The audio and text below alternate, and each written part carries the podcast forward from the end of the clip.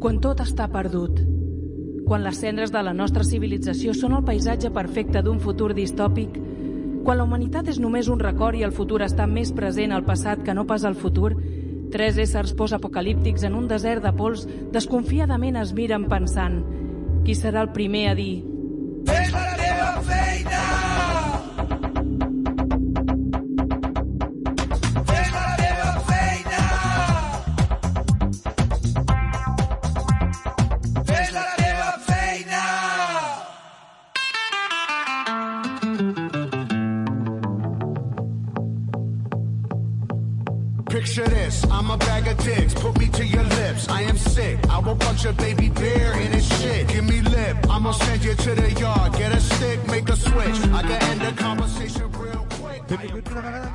Fes la teva feina, un programa que presentat si fóssim cosetes de l'estiu per al nostre estimadíssim Felip.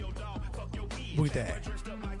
Quasi infinit. Podria ser el canto de los grillos, per allò de reconèixer immediatament el seu to de veu des de molt lluny i posar un somriure gran al saber que està a prop. Com passa amb els mascles dels grills al cantar amb les potes del davant a les nits d'estiu per indicar a les famílies que estan cantant melodies d'amor. També per al nostre estimadíssim Demian Recio, que podria ser les explosiones de luciérnagas, per allò d'ensenyar la llum i crear bioluminiscència per atreure les famílies en les nits fosques d'estiu. Sabeu que hi ha més de 2.000 espècies de cuques de llum i cada espècie té la seva brillantor espacial? I per mi mateix, Alejandro Cortés, podria ser tranquil·lament, ara que estic fent els els possibles escenaris apocalíptics per acabar amb la nostra existència, la lluvia d'estrelles, per allò de ser un meteoro de les Perse Perseides Ole, i amb una mica de sort acabar a, de cap a la Terra. Però abans de començar hem de recordar que ens trobareu en totes les xarxes socials, sempre buscant fes la teva feina. I recordar que fa dies que no sabem res de la nostra protagonista o de la nostra patrocinadora, Calona, la botiga de la Guineu, al carrer Serrat de la Rodonella, número 7, urbanització Les Guilleries, entrada per al carrer Puig l'Agulla de Viladrau. Ara sí, comencem? comencem.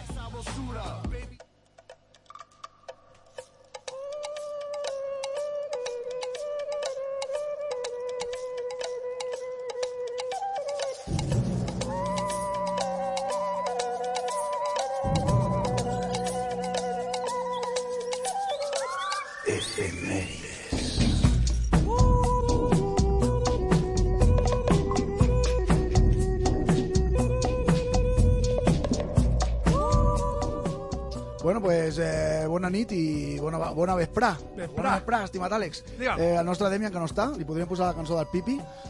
Eh, Sí, després li posarem, no? Un record, com, un record, una mena de record funerari, la teva això cançó sí. del Pipi. Això sí, això sí. Eh, com que avui està molt avorrit i les efemèrides no m'agraden gaire, però tot i que al final les he fet i les he buscat, he fet una radiofórmula efemèrides. Ah, què és Una eso? radiofórmula efemèrides musicales. Llavors anirem passant pels anys, dient el que van fer els diferents artistes, Vale. tal dia com avui, de diferents anys. M'agrada.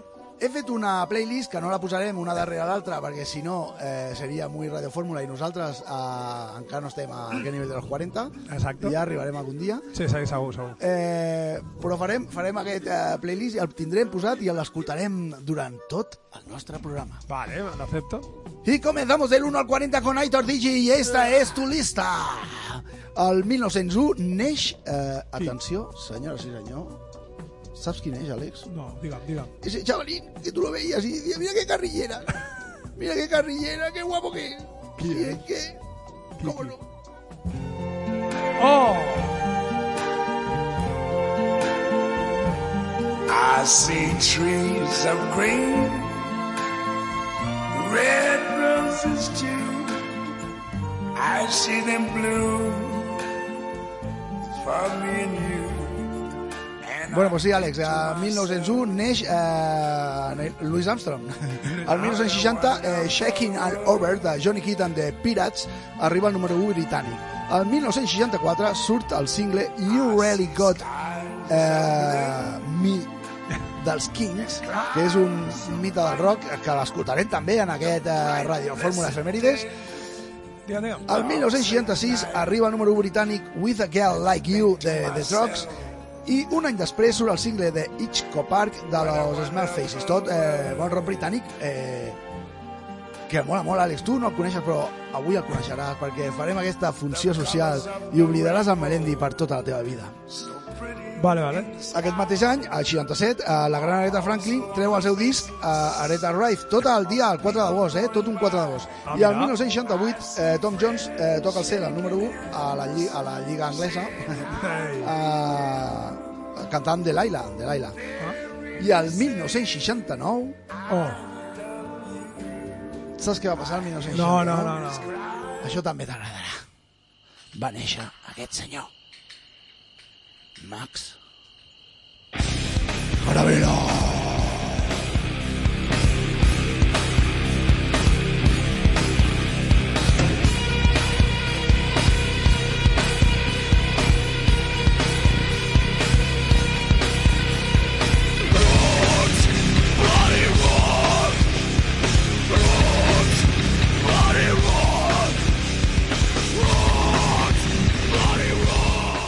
Vale, guai, pues així farem el trinxat amb, amb Mascabra de fondo.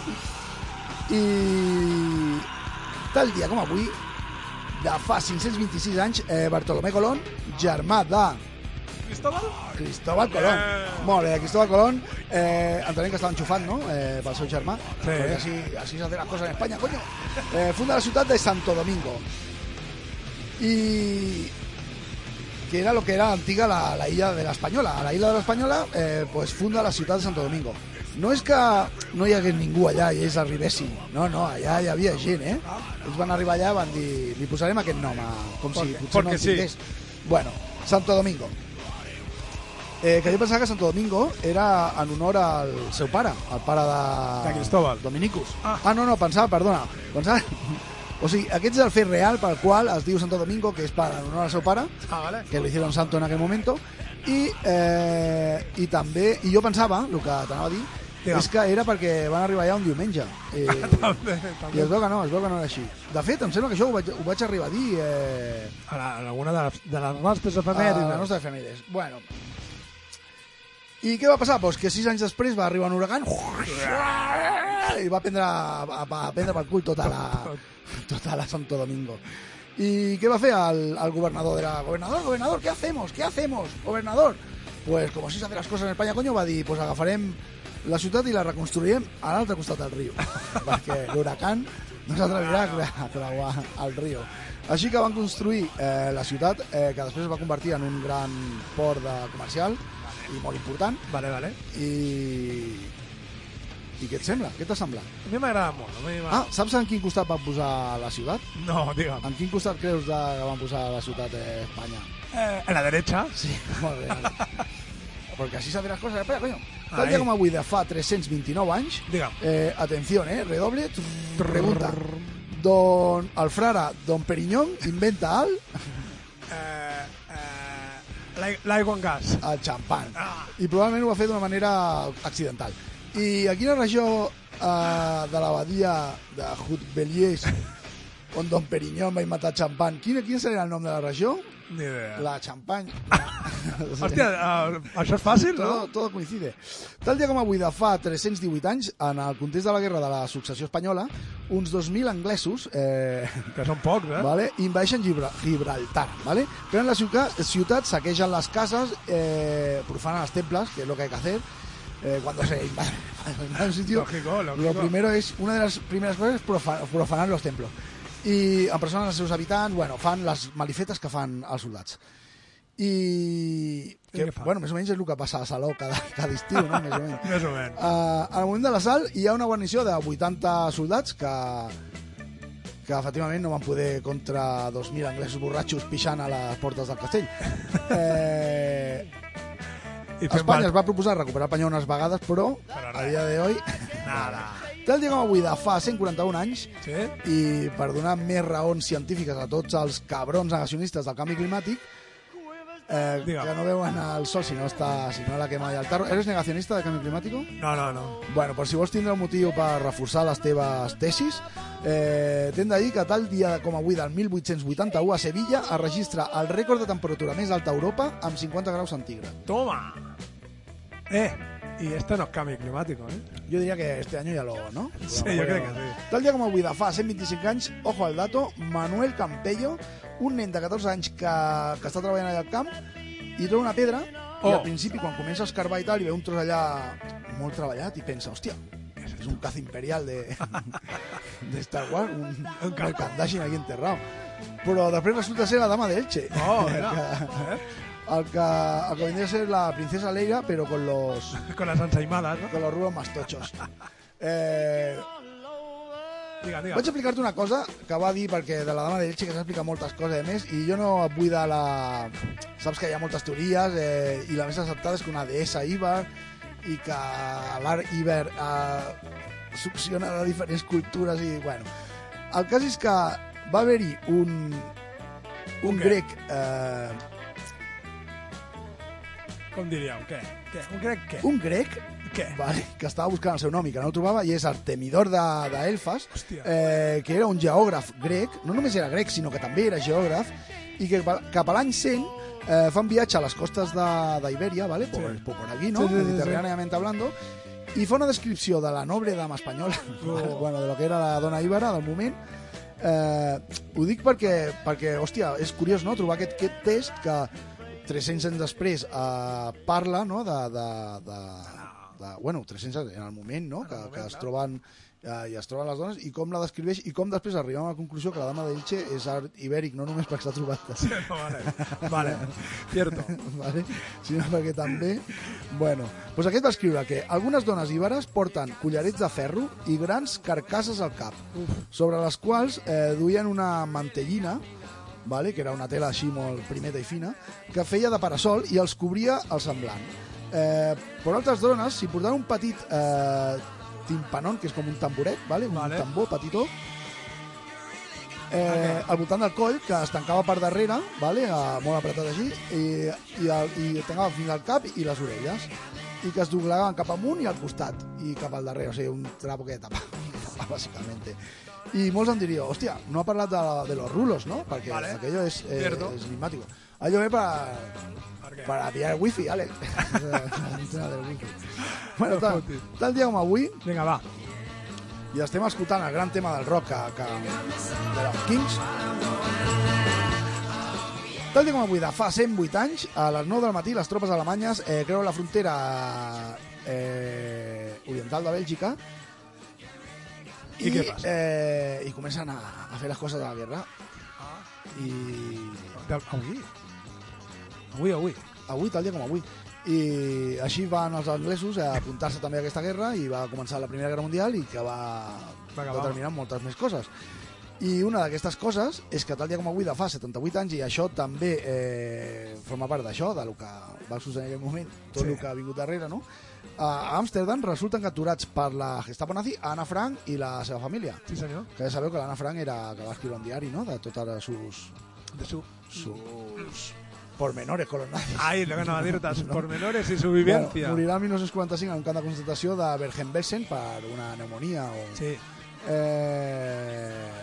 I, I- l'última, Sí, vale, l'última, va. perquè puguis dir les teves coses, No, no. tal dia i arribes al teu apocalipsis, tal dia com avui Ah. de fa 61 anys, 61. neix a Honolulu Barack Obama. I Oh. tal dia com avui de fa 62, neix a Fachadolid eh, José Luis Rodríguez Zapatero. que havia, que va dir allò de apoyaré el estatuto que apruebe el Parlamento de Catalunya, tot al mateix dia. Eh, hem de dir també, i ara plorarem una mica, el 1962, i li, de, i li dedi, dedicarem aquesta cançó d'Aretha Franklin del seu disc i d'aquest playlist que podreu escoltar i seguir i fer el que vulgueu amb ell, vale? us podeu fregar l'anus amb la pantalla mentre està oberta la, Sí, sí, sí. la playlist. I tal dia com avui mor eh, Marilyn Monroe. Marilyn Monroe. Sí, i li farem un honor amb una cançó d'Aretha Franklin que a mi m'agrada molt. Sí,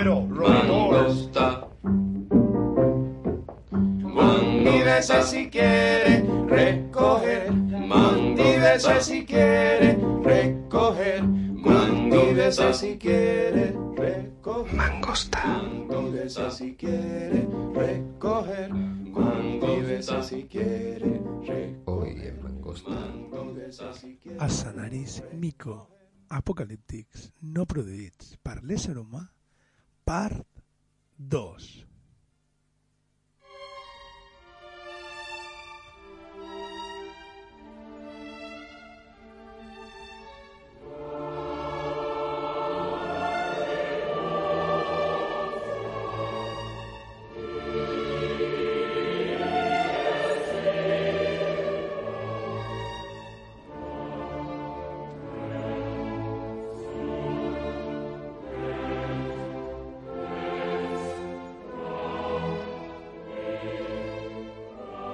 L'altre dia parlàvem dels meteorits com a microapocalipsis, escenaris microapocalíptics. Si te'n recordes que en Damian em va fer una pregunta de lo que era un forat negre? Sí, sí. El Demian sap de sobre que és un forat negre. Sí, això, això també. és cert que el Damian és un forat negre. Però sabries dir-me què és un forat negre?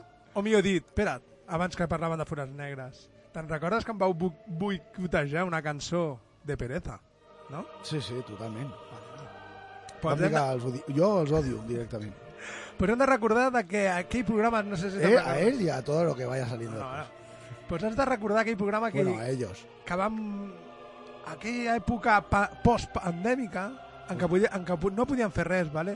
i van fer aquelles tres preguntes, no? que van decidir fer una cançó, una pel·lícula i un forat negre, te'n recordes o no? Sí, Vale. Suposo que no, la història no és així, però, bueno, deixem-ho recordar d'aquesta manera. Pues, doncs bé, un forat negre no és que m'agrada a mi, Melendi, vale? que podria ser pitjor, com hem parlat ara mateix, que podria ser que hi ha gent que li agrada Pereza, vale? o, o hi ha gent que li agrada Bad Bunny, que és el pitjor. I per definir un forat negre, podem dir que un forat negre és una regió de l'espai on l'atracció de la gravetat de la ciència oficial està elevada. És a dir, la llum no pot escapar del seu interior. D'acord? por eso es negro. Ahí. Porque se come la luz. Vale. I ara et torno jo a preguntar. Què no pot escapar del Quina, seu quina, interior? quina penya de fumats, tots els físics, no? Perquè se come la luz, Espera, espera. O no. no? O no. I llavors, com es menja la llum, ja no es veu la llum. Però com se va ver la luz en la oscuridad? O no. Ja t'ho dic jo. Estamos locos o preguntar. Et torno a preguntar. Què no pot escapar del seu interior? Digue'm.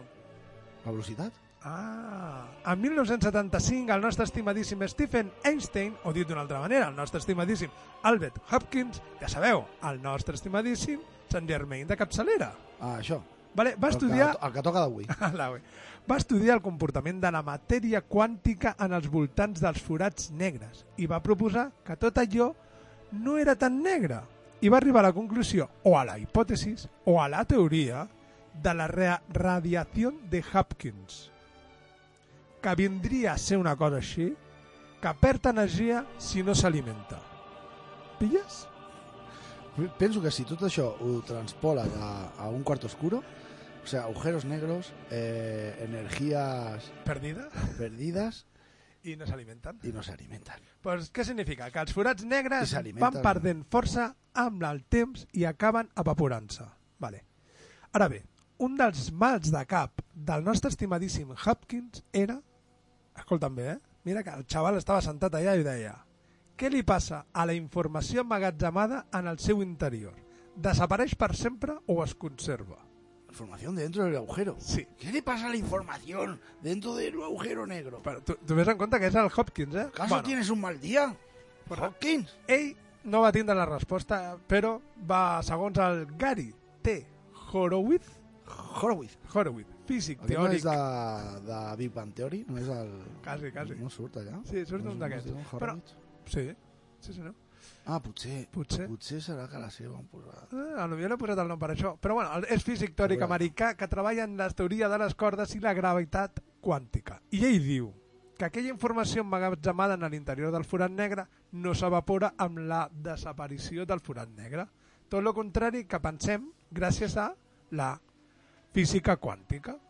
Tota la informació retinguda sortirà a l'exterior. Gràcies, física quàntica! Doncs tota la informació surt a l'exterior. Això sí, com, per què, quan on, jo no ho sé ni penso explicar-ho. No, no, Vale? és que no ho sap ningú, això. No, bueno, sí que ho sap, el senyor Hawkins i el senyor... Això, mira, eh, tu entres a una... Hi ha cinc allà. I tu entres allà a aquesta rodona a xerrar, mm. vale? Allò que dius que arribes allà i hi ha quatre reunits, tu, bueno, arribes xutant una mica un tros de paper i et poses allà i tots comencen a riure-se'n de tu per una tonteria. Sí, sí, I es van sumant, es van sumant. Pues això són els físics. els físics, exactament. Es posen allà, diu una, i, i llavors tu dius, això, en sèrio, se, se come la luz? I tot, que tonto. Nada, nada. Pues res, resulta que això, el que acabo d'explicar, és la paradoja de la informació de l'agujero negro. És una teoria en la que aquests físics parlen d'uns suposats pelos quànticos Pelos, pelos. Sí, sí, unos pelos quànticos. Una informació dels pèls quàntics que en, en el forat negre van de l'interior cap a l'exterior, que són els responsables d'extreure aquesta informació. Poques paraules, és molt complicat per als simples mortals com tu com jo. Vale? Si menja tant i té pèls per fora, deu ser el mostre de la galleta. per exemple. El que sabem fins al dia d'avui que en el seu interior no pot sortir res. Així ho deixem així i ho fem així, vale? Ningú ha sortit per explicar-ho. No, no, no, ningú. Vale. I perquè et facis una idea de com és la massa o la força d'un forat negre, vale? que això em va costar molt d'entendre a mi, és agafar el Sol, comprimir-lo fins un diàmetre de 6 quilòmetres. I actualment el Sol té 1,4 milions de quilòmetres. Vale? O, dit d'una altra manera, o més fàcil, agafar la Terra i convertir-la en un tamany d'una canica. I ara té una, un diàmetre de 12.742 quilòmetres. És a dir, és una mala hòstia comprimida en un petit espai. I, per dir una manera, seria com el, el 2 de l'indicativo. El 2 de l'indicativo. Sí. Però no, no facis el 2 de l'indicativo. Has de fer-me un preavís Un preavís? i així jo... Camarero, camarero, camarero.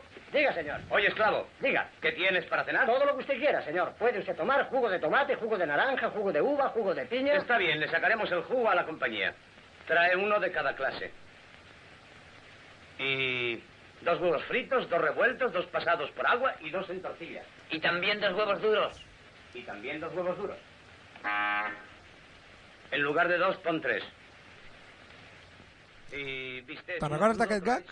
Que se reuneix amb molta gent, molta gent dintre l'habitació? Sí, no? Sí, no? Vale, doncs imagina't que és la mala hòstia. No és, el, no és el de más madera, más madera. No, doncs imagina que és això, vale? i amb mala hòstia, és a dir, gent comprimida i amb mala hòstia. Això és un forat negre, per dir una manera. Mira, aquí tens un altre forat negre.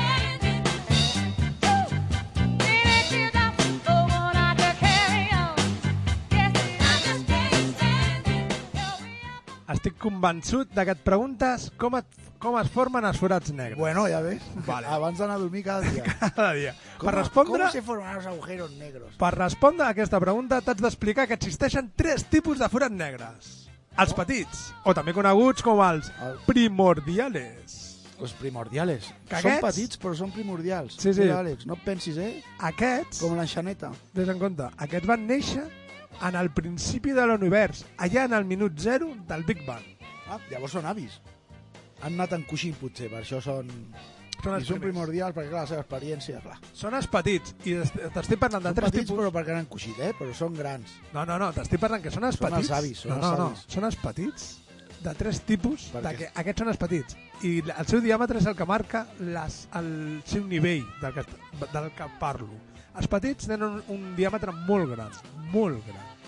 Ara venen els mitjans, també coneguts com els estelares. Són, Estelares. són aquells que es creen quan les estrelles amb molta força o massa arriben al final de la seva vida i col·lapsen sobre elles mateixes, el que es coneix com una supernova. Supernova.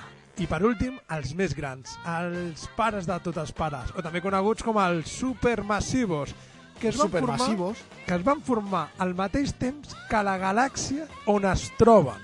Vale? I el que dirà ara és molt important, perquè la gent no es perdi. Ara com a detall i preguntes random que te les faré tu, vale? Mira, et diré... supernova. No, no, que és una supernova, no, ja vindrà.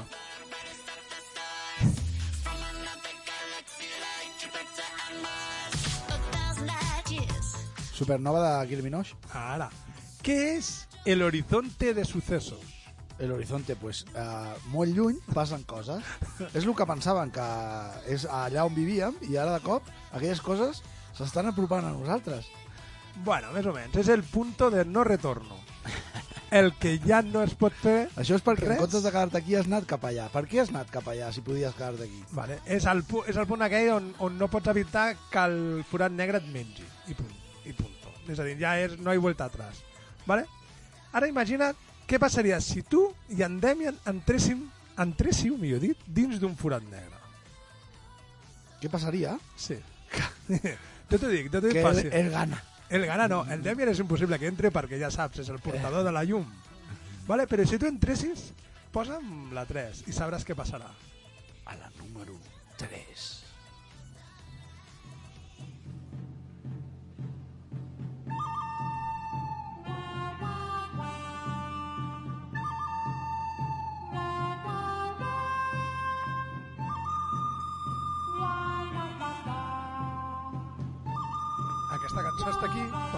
Simple raó.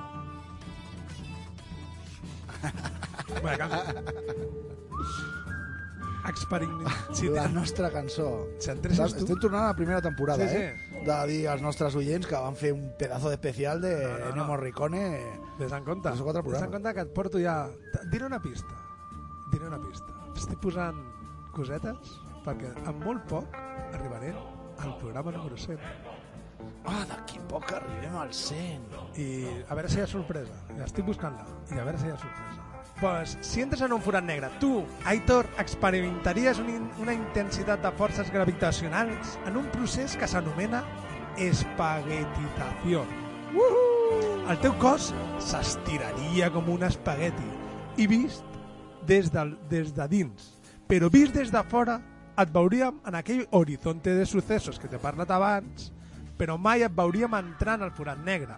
Estaries congelat en el temps. Ara se pregunto, un forat negre podria destruir la Terra? Tu què diries? Sí, però no. Sí. Però no. Si ens fiquem a dins d'una caixa... Gatos és Ranglinger. Bueno, sí, però ara com ara diuen els físics que no, que no és possible. Però bueno, això seria un, un, escenari, un nou escenari macroapocalíptic. El fet de que dues galèxies es, dues galèxies es fusionin o en l'argot empresarial que es formés una OPA. En aquesta OPA sempre hi ha un ERTE empre empresarial i en aquest cas els forats negres són els afectats de les galàxies. Com hem dit, tota galàxia té un forat negre i els forats negres depenen de la, força, de la força gravitacional del més fort i podria ocasionar un retrocés del forat negre que perd sempre que, sempre que aquest retrocés fos superior a 600 km per segon i el retrocés és lo, lo de les escopetes ¿vale? i què passa si hi ha un retrocés? que aquest forat negre seria despedit o acomiadat de la galàxia on estava i formaria part dels parats de la seguretat social espacial a l'espera d'alimentar-se de planetes per no perdre aquella força que hem parlat i donar-li la raó al nostre, al nostre estimadíssim Hopkins i a la seva loca teoria, lògicament, la radiació de Hopkins. Ha. I aquí el que importa... razón, però... Però no. I aquí el que importa de veritat és on vull arribar i encara tinc programa pel davant. Aquí la importància i la de veritat, perquè encara no he parlat del micro, del micro escenari apocalíptic, és de la formació dels forats negres.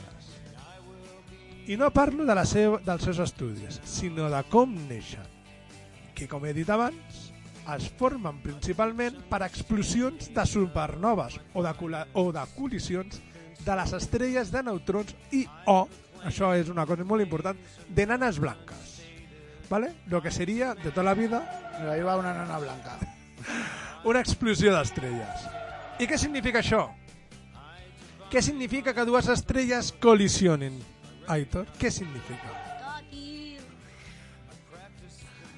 Doncs significa supernova, otra vez? Sí, però t'explico el que és. T'explico el que és. Doncs que en un temps d'un milisegon, i tot això ja és molt de temps, alliberin en un sol instant tota l'energia que aquestes estrelles poden tenir emmagatzemades en milers i milers d'anys. Vale? En aquest procés es desprenen una quantitat d'energia en forma de raig gamma. Rayos gamma. Que, mira, per cert, el Demian ens havia dit que parléssim Sí. de ratllos, sort que no li vaig fer cas. Jo... I no he buscat res, perquè, clar, eh, on està? Eh, Mira, parlant, parlant del Demian. Va, passa-la, passa-la. Pues sí, eh, resulta que avui tampoc ha vi- ha vingut i no sé si portarà justificant, però potser l'hauria de portar. Exactament. Bueno, doncs en aquesta explosió generen dos línies oposades d'energia cap als espais, van quasi a la velocitat de la llum i atrevessant de punta a punta l'univers. Viatgen en una direcció destruint tot allò el que es troba pel seu camí. En l'univers es generen una explosió al dia a l'univers i una explosió cada mil anys a la Via Làctea. Es poden produir en qualsevol lloc i qualsevol moment. I l'última explosió d'estrelles va extingir a la Terra de les seves espècies i això fa tan sols 450 milions d'anys. I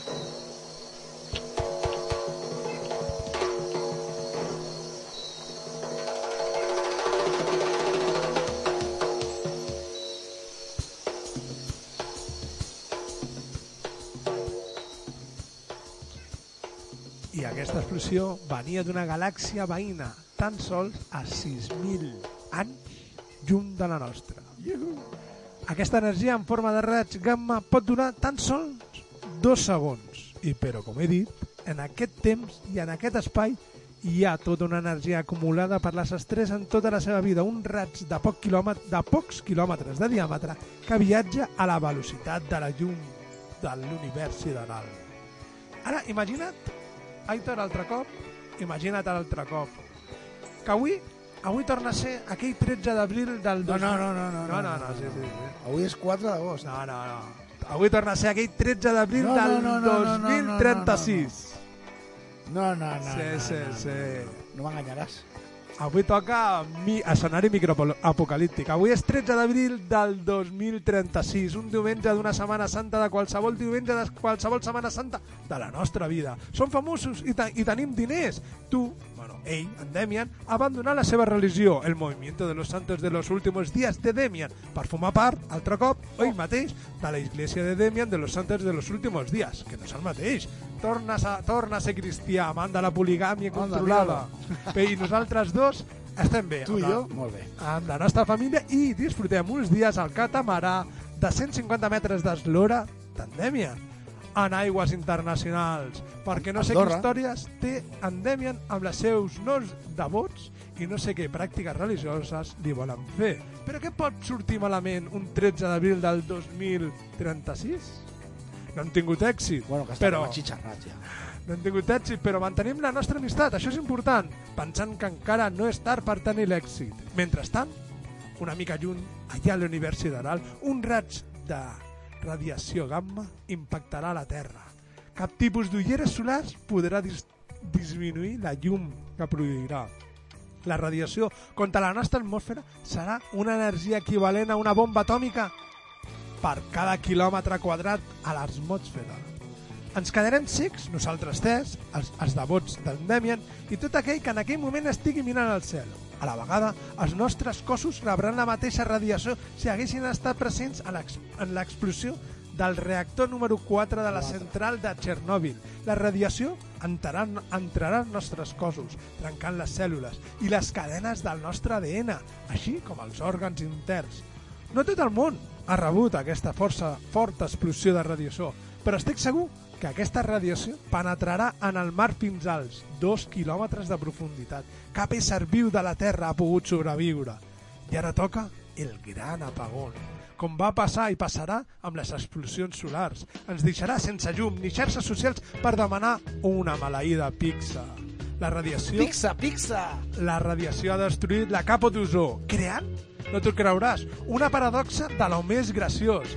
Ha trencat les, les molècules de nitrogen de l'atmosfera i les fa reaccionar amb l'oxigen per formar òxid nítrico, Òxid un potent, nítrico! agent des- Me destructor de l'ozó. Tan sols, en 10 segons, per acabar per complet amb la capa d'ozó. Què tant ens assegura? La nova paradoxa és la mateixa radiació en cadena de la radiació de gamma, que destrueix l'ozó a l'atmosfera, però a nivell de terra pot crear ozó. Però ni en broma pensem que podria anivellar els nivells perduts. Pensem que per l'ésser humà és tòxic en baixes concentracions l'ozó. Hi hauria tant d'ozó a nivell de terra que ens ¿eh? mataria Que te a la da- que te primera pica los ojos. a la primera ¿Eso te pica exhalació. los ojos? Eh, però que quedi clar, això no és un problema. No, no, no, no, no. Mucho peor los vientos huracanados. Es- o, no, no. o al sol torre, torrefacto. Sense ozó, què passa? Que entren les radiacions, les radiacions de l'univers sideral i estarien sense cap problema al nostre planeta, afectant qualsevol criatura terrestre, destruint tot allò que es trobés pel seu camí, matant sense miraments aquest, aquestes radiacions de l'univers. La cadena tròfica de l'univers. tornaria a caure per al fitoplàncton. Seria el primer en desaparèixer. A la merda. A la Ens merda, anirem. Si per casualitats del destí o del conjunt de contaixements que vulgueu ens trobéssim en el camí del resultat d'una exclu- d'una col·lisió de les estrelles. Un grau més, un grau menys en la nostra rotació, aquí sí que importa, perquè el raig és recte. Podia passar pel costat nostre i no ens enteraríem, però sí, ens han fos per culpa d'aquesta explosió d'estrelles. Això és el meu micro eh, escenari apocalíptic d'aquesta setmana. I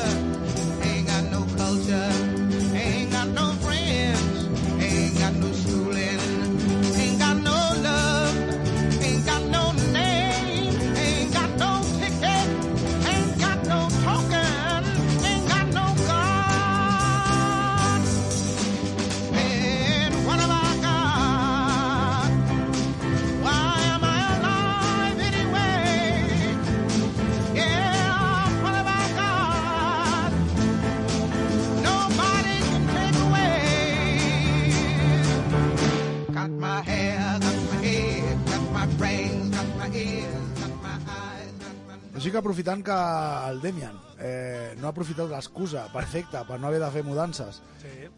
eh, Què, què? per, no, per, per dir no hago mudanza perquè tengo que ir a la ràdio. Ara? Però no, ell ha anat perquè té bon cor. Oh. Té un forat negre i té bon cor. No, no. I, I tu vols aprofitar que ell no ha vingut per fer una doble secció teva. Sí, és una doble, una... Sí, no m'ho diguis més. No t'ho dic. No m'ho digues més, estimat Alex. Mira, aquí está nuestro amigo Demian. Aquí vas a ver cómo él se aleja. ¿Cómo se aleja? ¿Lo ves? ¿Lo ves? ¿Cómo se aleja? ¿Lo ves? ¿Lo ves? ¿Lo ves? ¿Lo ves? Sí, sí, sí, sí, sí, sí, lo oigo, lo oigo, lo noto, lo noto. Y como tú lo pisas directamente. La mangosta mata a la cobra. La mangosta es el mejor animal. La mangosta mata a la cobra. La mangosta es el mejor animal. ¿Sabe lo que es la Mangosta. mangosta? Es un mamífero roedor. Mangosta. Mandíbese si quiere recoger. Si quiere recoger. Quiere recoger. Mangosta. Si quiere recoger. Quiere. Una rara, rara de ideas.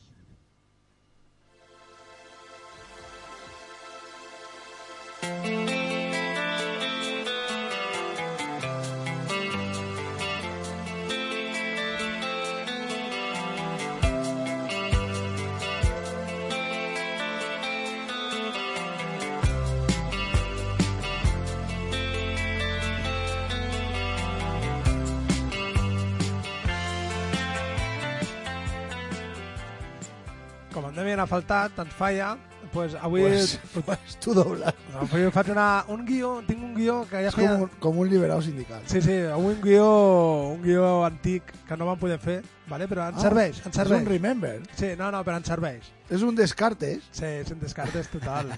vale, avui hi ha una relació d'idees. Vale? Vull arribar de les pel·lícules de l'Oest, que hem sentit abans, del principi del segle XX, que quedi clar, fins a Carrero Blanco. Vale? Joder. Un home, com tothom sap, que va volar molt alt. Sí, sí. Vale? Vull passar vull passar per una teoria una teoria de buenos i malos fins un quadre d'un gran pintor enamorat de toros fins a arribar a les platges de Palomares. Vull arribar a una relació d'idees de la mecànica quàntica fins a la tragèdia de que ens va matar a disgustos. Vale? És una mica llarg, re rebuscat, però t'agradarà. Sí, lo sé, és molt llarg. Has de relacionar eh, coses molt estranyes. No, sempre. no, no. És una relació d'idees de... Ara t'ho explico. Bueno, fa dies, fa dies abans de, de començar els escenaris micro i macroapocalíptics, parlaven sobre la paradoxa del gat de Schrödinger. No sé si te'n recordes. Sí, i avui hem dit alguna cosa, Sí, també, sí. a la teva altra secció. a través de la separació de la Shakira i Piqué vist des del punt Sí, sí. De, de la mecànica quàntica. Posa, posa la cançó si vols. Necesito que bien actúas. Gran Eso tema. no me cabe duda. Con tu papel continúa. Te queda bien ese show. Te felicito que És un caos de dimensions descomunales, com tothom sap. Doncs bé, mireu que estàvem parlant de físics, mireu els Premis Nobel de Física, que tenen tant de temps lliure, a part de guanyar les seves xapetes, vale? com el nostre Erwin Schrödinger, que dins de la seva equació de, que descriu l'evolució temporal d'una partícula subatòmica no relativista i de la naturalesa no ondulatòria o ondulatòria, com vulgueu, i en un encontre extramatrimonial i extramant, havent de donar explicació del que estava passant aquell dia en aquell llit que es va inventar aquella paradoxa del gat dins d'una caixa que és un sí però no, doncs en aquella època, en aquella època hi havia un home que encara era, mo encara era molt, molt millor que el nostre Rendinger. Ah, saps qui és? Qui? Saps qui és aquell home que era molt millor que la resta dels homes? Jo sí que el sé, però has de dir una cosa. Escolta'l i ho sabràs. Tú sola, sin nadie que te hable, sin nadie que te mire, Puto amo. Puto amo.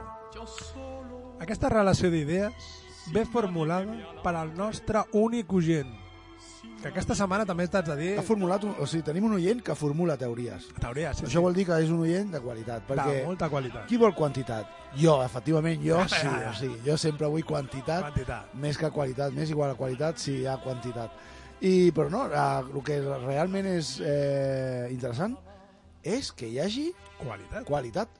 Molt bé el nostre oient. No, no, sí, sí, el nostre únic oient. Bueno, doncs, aquest, aquest puto amo es diu ne Niels Henrik David Brown. Davis Brown. Nascut a Copenhague i mort a... Copenhague. Copenhague. No, Copen- Copenhague, no Copenhague. Nascut a Copenhague i mort a Copenhague. No, no, molt millor Copenhague, que tiene un barrio rojo que te cagas. mucho más divertido. Bueno, Copenhague. escolta'm bé. I té, I té un producte típic d'allà que és... Eh, eh, eh, eh, Les setes? El chope... El, Brutal. Brutal. el chope de pollo, que és Bueno. bueno. chope nuggets. Escolta, escolta aquesta relació d'idees que t'agradarà. Aquest home, Nils, és físic i Premi Nobel de Física en Quasi 1922. Jueu d'una gran família de la banca danesa i teòric de les òrbites quantificades en el nucli atòmic i gran amant de les pel·lícules de l'oest del segle XX. ¿vale? Anda, què te pareció? Vale? Un home que descansava i desconnectava veient obligant als seus alumnes a veure les pel·lícules de l'Oest. Sempre anava amb els seus estudiants per poder parlar de les trames que involucrava els indis, els vaquers, els dolents, els xerifs, les camareres i tota la família del vell oest.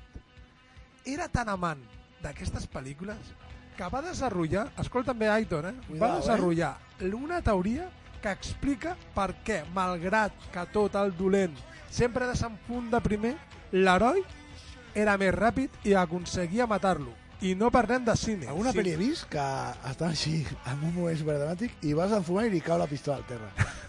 No, no, però el tio va treure la teoria de que per què el, el bo sempre mata el dolent i no és cinematogràficament. Hi ha una teoria darrere i, i és cert, eh? Bueno, sí, a la, per explicar les històries que ens agrada molt la venjança.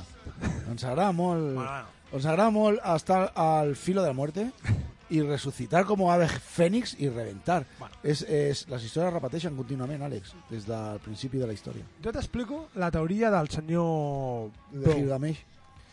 es basava, aquesta teoria es basava en la psicologia, amb la psicologia.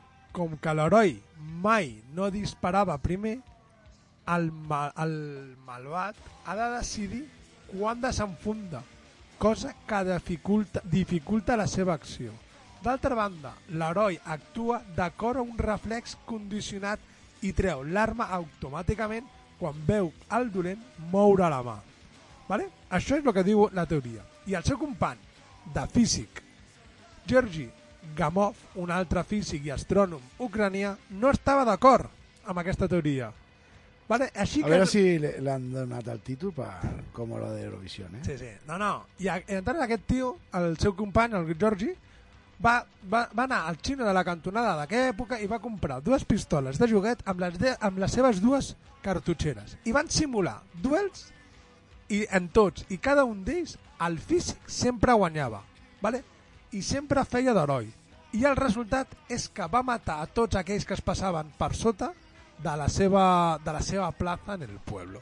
Vale? La conclusió és que el dolent ha de decidir quan treure la pistola i això fa perdre un temps que amb l'acció del reflex de veure el moviment de la mà del dolent, el bo, mínimament és més ràpid en la seva acció. I aquesta és la teoria de dos tios que, que van desenvolupar la teoria, una de les teories a- de la bomba atòmica. I ara jo pregunto, jo pregunto, ara, que, ara és bon dia per fer efemèrides. Mira, ara m'ha vingut al cap. Aquí, aquí ho tinc. Qui va utilitzar el poder de les bombes atòmiques?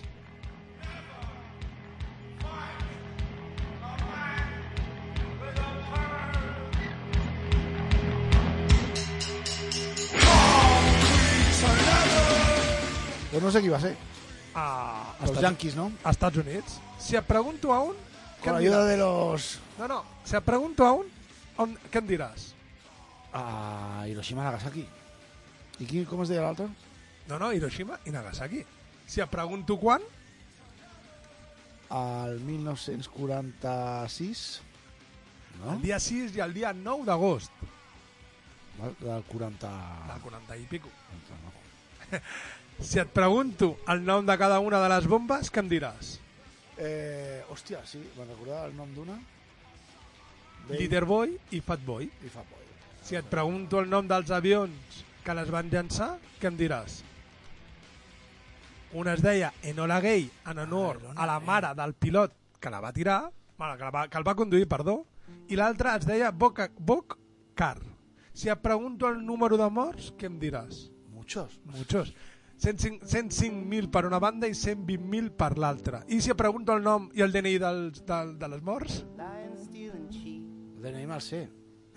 Vale. Doncs bé, podríeu, podríeu dir-me el nom de la ciutat que també va ser bombardejada en Espanya i no va ser la ciutat de Granollers un 31 de març de 1938 per cinc avions Savoia, Marchetti italians a les 9 i 5 del matí d'un dimarts matant a, a més de 210 persones entre nens, homes i dones? Què em contestaries? Que sí, que va ser al mercat del meu poble, de Granollers, de, diria Guernica, però... No, aquesta és l'altra, perquè em vas de contestar que és el poble de, de Guernica, un 26 d'abril del Bueno, diria 1937. Granollers, que es diu Granollers, no? Sí, sí, t'estic dient quin és l'altre poble? Guernica, no? Exactament. Quin dia? El 26 d'abril de 1937. En dilluns, pels mateixos fills de puta dels avions Savoia Marchetti. I, bueno, que també van bombardejar contínuament Barcelona i que tenia una, una ordre directa de bombardejar la població per, per... Va ser de les primeres vegades que... Potser una de les primeres, però bueno, una de, de les primeres vegades que, Sí, sí. que la guerra es va convertir En què? en una, un atac directe a la població. Sí, senyor. I si parlem del Guernica, de qui parlem? En sèrio, de Pablo Picasso ja? Molt bé. Sin més. I si parlem de Pablo Picasso i hem de parlar de Guernica, un poble que, com he dit, el 26 d'abril de 1937, en el transcurs d'una guerra civil per una part important de la Legió Còndor alemana i l'aviació italiana va, ser, va bombardejar i van, de, i van decidir deixar anar més de 100 centenar de bombes i una, en una població que diuen que, port, que es portava malament. Ah, ojo al dato. Como anécdota, el jefe del Estado Mayor era el teniente coronel Wolfram von Richthofen.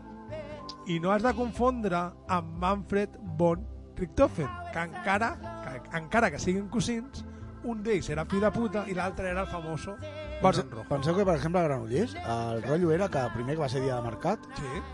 eh, a la plaça de la Porxada, que qui no hagi anat a Granollers, pues, en aquell moment eh, hi havia el mercat d'animals i el mercat de, bueno, de productes i de més, vale? Exacte. i hi havia molta gent i I van caure, van bombardejar, van bombardejar, van deixar anar moltes bombes. I això és el que volia dir, que és el que m'havia marxat al cap. I també heu de pensar que Granollers és una ciutat molt important perquè, a part de que tindrà una gran indústria tèxtil, eh, van haver-hi molts moviments obrers i, i eh, a Granollers hi havia importants cooperatives de treballadors que portaven les fàbriques de a textils i clar, això va ser un gran, Un gran, un gran una gran hòstia una gran. a por ello Bueno, retornem al fil. Fil a cuidado, que, l'agulla. cuidado que evoluciona Fil a l'agulla. Doncs bé, si hem de parlar del Guernica i hem de parlar de Pablo Picasso, hem de parlar del quadre o de la pintura de Pablo Picasso, anomenada també Guernica. Què em podries dir d'aquell quadre o pintura que és homenatge a un dels grans toreros d'Espanya? en sèrio? En sèrio? Sabies que, és, que estem parlant d'Ignacio Sánchez Mejías, torero espanyol, cunyat del famoso. Joselito, més conegut com el Gallo, que tenia més ous que pasta. Bueno, Joselito em sembla que aturejava els, els presoners republicans a la plaça de Toros Sí, també. Era escriptor i aficionat a la literatura, a part de parlar de més més en els sopars que una altra cosa, perquè era el cunyat. Vale? En, 1900, en 1934, un 11 d'agost, su- substituint a Domingo Ortega en la corrida de, la, de Ciudad Real, un toro llamado Granaíno, Petit, Manso, hasta fino, de patita cornamenta i l'orillant, li fot una banya per la cama a l'inici de la feina amb la muleta sentat a l'estribo. Una feina difícil i perillosa, però ben avinguda per Sánchez Mejías. El cabezón los deja manipular por el doctor de la plaza, don Fidel Cascorrón Arroyo. I per tonto, als pocs dies, un 13 d'agost, per la vida, por cangrena. La seva faceta com a intel·lectual i la seva afició a l'escriptura fa que aquella generació del 27 fa honor al seu nom i a la seva feina. Diuen les males llengües que un dia a Pablo Picasso li van, de, li van demanar una pintura sobre els fets de Guernica i ell amb dos collons i amb els diners que li van donar treu el quadre aquell i li va oferir a l'estat espanyol el quadre del seu amic amb el nom de Guernica sembla que ho va fer per la Fira Universal de, Sí, de París, no? d'aquí- de París, exactament.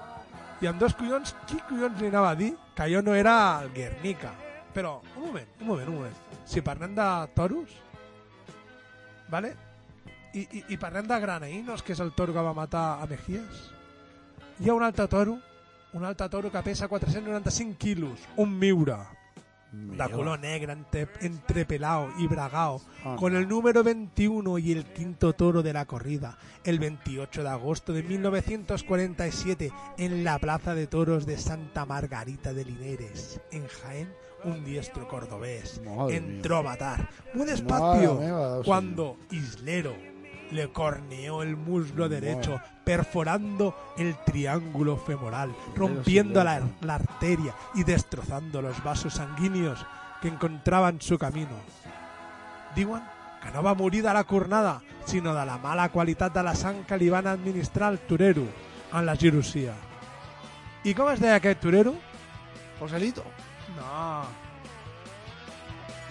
Manolete.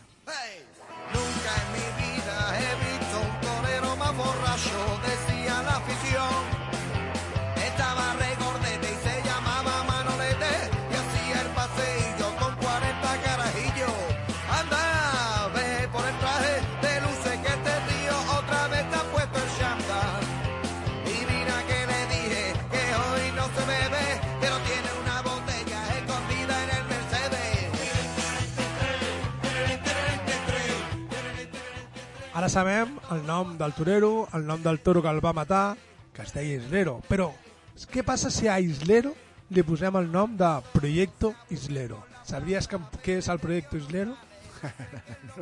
No tens ni idea, no? Aquí és la relació d'idees. És la cosa més brutal, al·lucinant i increïble del nostre estat espanyol. Més encara que el cas de, de les escoltes amb el cas Pegasus i les gravacions de, Villa, de Villarejo, totes juntes. Fliparàs. Com a titular podem dir que el proyecto psicodélico de España castiza para la fabricación de su propia bomba atómica. La pregunta és, per què el nostre estimat Francesc Sincer volia una bomba atòmica? De com a prop va estar d'aconseguir-la i per què ara, com ara, no la tenim? Va, anem per parts, anem per parts. Com Jack, el esbudellador. M'ha quedat bé, eh? Saps qui és, no? Tens, quantes parts tens per això? De què? D'aquestes parts? No, no, res, acabo, ja acabo. Acabes? Te queden 3 minuts per acabar. 3 minuts. És molt fàcil. El projecte es diu Projecte Islero per fer honor al miure que va matar a Manolete. Perquè ja ho deien ja en l'exèrcit espa- espanyol, que aquest projecte acabaria matant-se a disgustos. Fer una bomba atòmica no és cosa fàcil. Això ho diu... No ho diu, això és, és normal, perquè per la primera decisió, per fer una bomba atòmica, s'ha de saber com lidiar-la. Vale? Com un bon torero. Has de, saber, has de saber pensar en què utilitzaràs, plutoni o urani. Aquesta és la primera. Vale? Bueno, en total, que la bomba atòmica, el Francesc Franco va intentar fer una bomba atòmica King, ¿no? i no va poder. A- Así se, porque así se hacen las cosas en España, coño. Se va intentar i no es va poder. Però bueno, avui, si vols, ho deixem. Ja, parla, ja acabarem de parlar del nostre projecte Islero, que tampoc és molt. Bueno, deixem. Eh, la setmana que viene, eh, titular Proyecto Islero. Ja pots buscar més informació, sí. el nom de la bomba, a la mida dels collons del toro. I per què Carrero Blanco surt en aquesta història? Ah, molt bé, allà és on arribarem. Doncs pues mira, sortim volant. Desperté acostumbrado a estar despierto. La monotonía del acierto, nada me sorprende ni me deja perplejo. Desde que te vi en el directo, esos ojitos enchinados se fijaron en mí. Yo ya llevo una semana que me cuesta dormir, como dentro de una novela. I en, hem de recordar que ens trobareu a totes les xarxes socials, sempre buscant fer la teva feina i, com sempre, donar les gràcies a Calona, lògicament. I si no...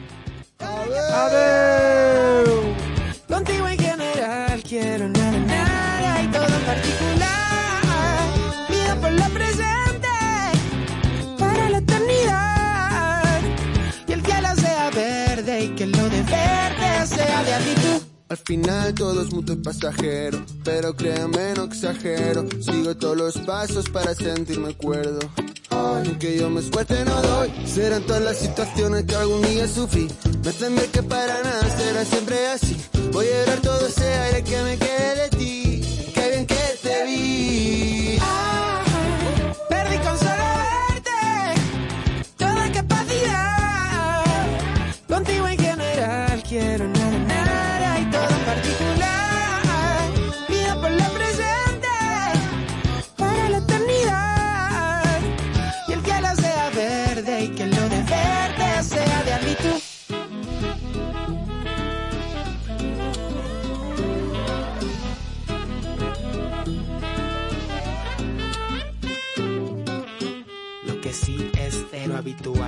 Dos monigotes tan tal para cual. Cuando llegaste tú, yo me quedé cucú. Cuando habla esa boquita, yo no digo ni mu. Suerte si vuelvo a verte. No me llega la hora. Y a buena hora, qué bien que te vi. Díselo, Vic.